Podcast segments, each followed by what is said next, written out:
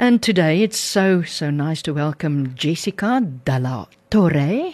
Good morning, Jessica. Thank you for joining us in the studio today.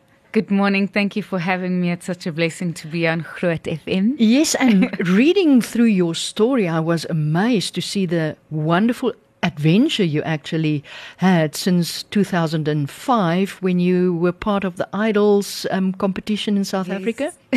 Tell us more about what changed your mind becoming a gospel singer.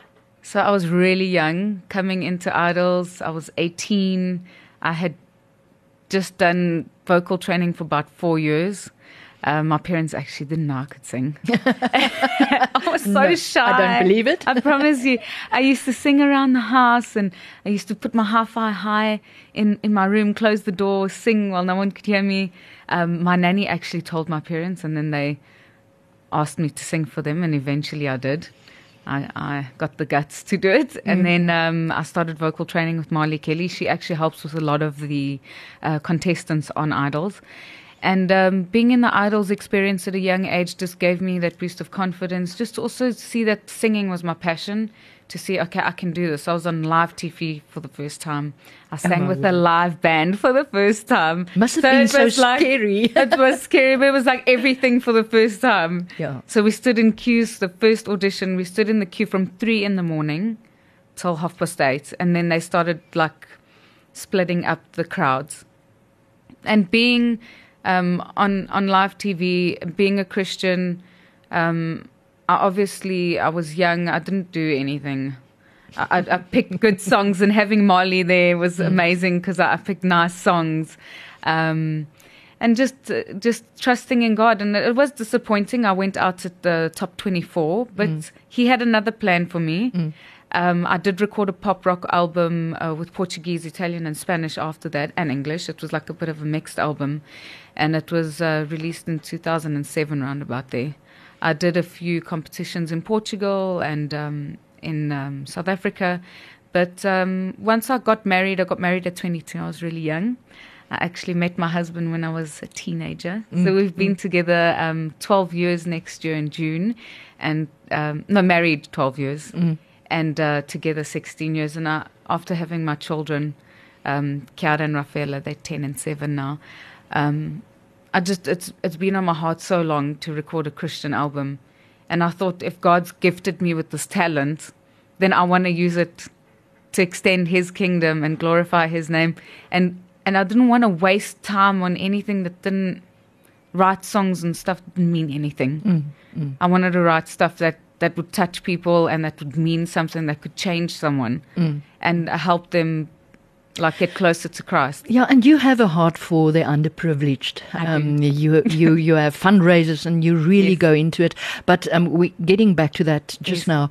Um, how do you juggle being wife, mom, and songwriter, singer, everything? And how do you keep the balls in the air?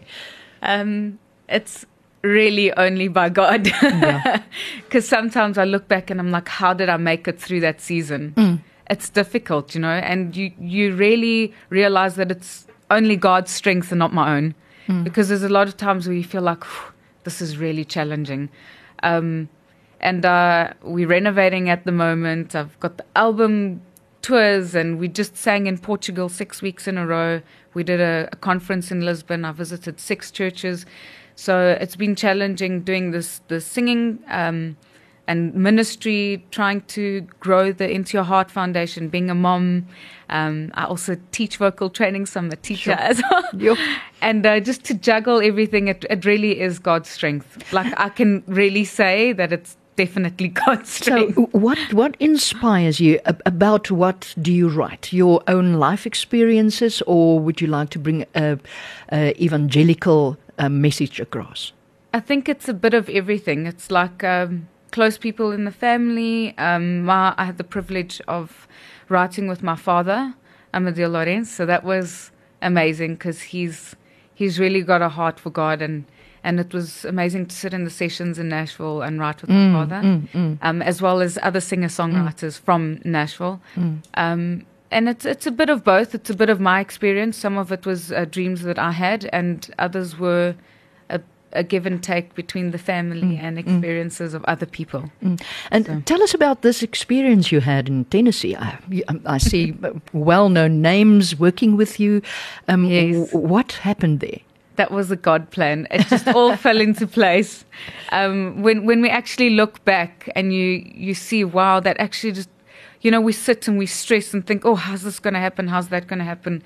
But uh, you just take one step at a time, and it all just fell into place. And it, it really is a God plan because we got to write with amazing songwriters and musicians that played on my tracks, play on Lauren Daigle's tracks, and are on Sure. Lauren Daigle's tours. And it was just such a privilege and honor to work with those people. Going to Nashville, Tennessee was was a whole amazing experience to go to another country, experience the the culture and the the love for Christ. Everyone that we wrote songs with, um, they they write Christian songs all day. That's their job. And uh, the producer even uh, was Yes. uh, one of the ex uh, Tree63 members. Um, what input did Daniel give that you will always treasure? Daniel was amazing. He's firstly an amazing human being. He is so funny. He's amazing to be around. He's just such a nice character to, you know, you, you don't get sick of spending time with him. Him and his family, they're just amazing people. And his experience of going through tree, also being South African, born in South Africa, we connected obviously because of our South African roots. Yeah. And he has uh, also the same mixture of cultures like I do. I'm Portuguese, my husband's Italian. His uh, um, nonna, which is a grandmother, is obviously Italian. So he, had, you know, we, we shared a lot of interests. And then also him being a musician, he plays bass. And uh, just taking in now that he does producing and he still plays on a lot of um, Christian tours. He plays with Brenton Brown Sure. and um, Chris Tomlin, and you know, My word. so um, just I learned a lot from him. Just just being there those two weeks, songwriting and sitting in his studio, and it, you, you just absorb. You know, Mm. It looks like the foundation, at least, is set now for great things to happen in the future. Um, the album's name is Into Your Heart, and um, your single release is now You Want My Heart. Where does the heart fit in? Um, I had a dream.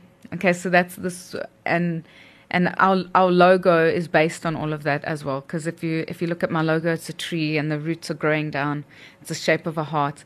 So the dream that I had is I I, I woke up actually with goosebumps and I, I drew the picture quickly and I actually took that picture with me to Nashville. Sure. And um, I, I dreamt that I saw like a huge oak tree and its roots were growing into the heart of Jesus. And I didn't really understand. And as I walked closer in the, the dream, I could see the, the energy and the life and the blood pumping through this tree. And the one side was flourishing, it was accepting its purpose, it was blossoming, it was stretching out. And the other side of the tree was still part of the body, but it was it was withered, it was dying, it was it looked sad, you know. Mm, mm. But I, I got that the message that we it's our decision to forgive ourselves and to just allow God to work in our lives because sometimes we're the ones that don't really want to but we've just got to completely surrender and through that we can take that energy and the joy and the strength and we can flourish in our purpose mm, mm, that mm, Christ has for us and that's where the logo ah, came from Wonderful. uh, with us in the studio is Jessie, Jessica Della Torre, and um, she just released her new single, You Want My Heart. We'll chat after this.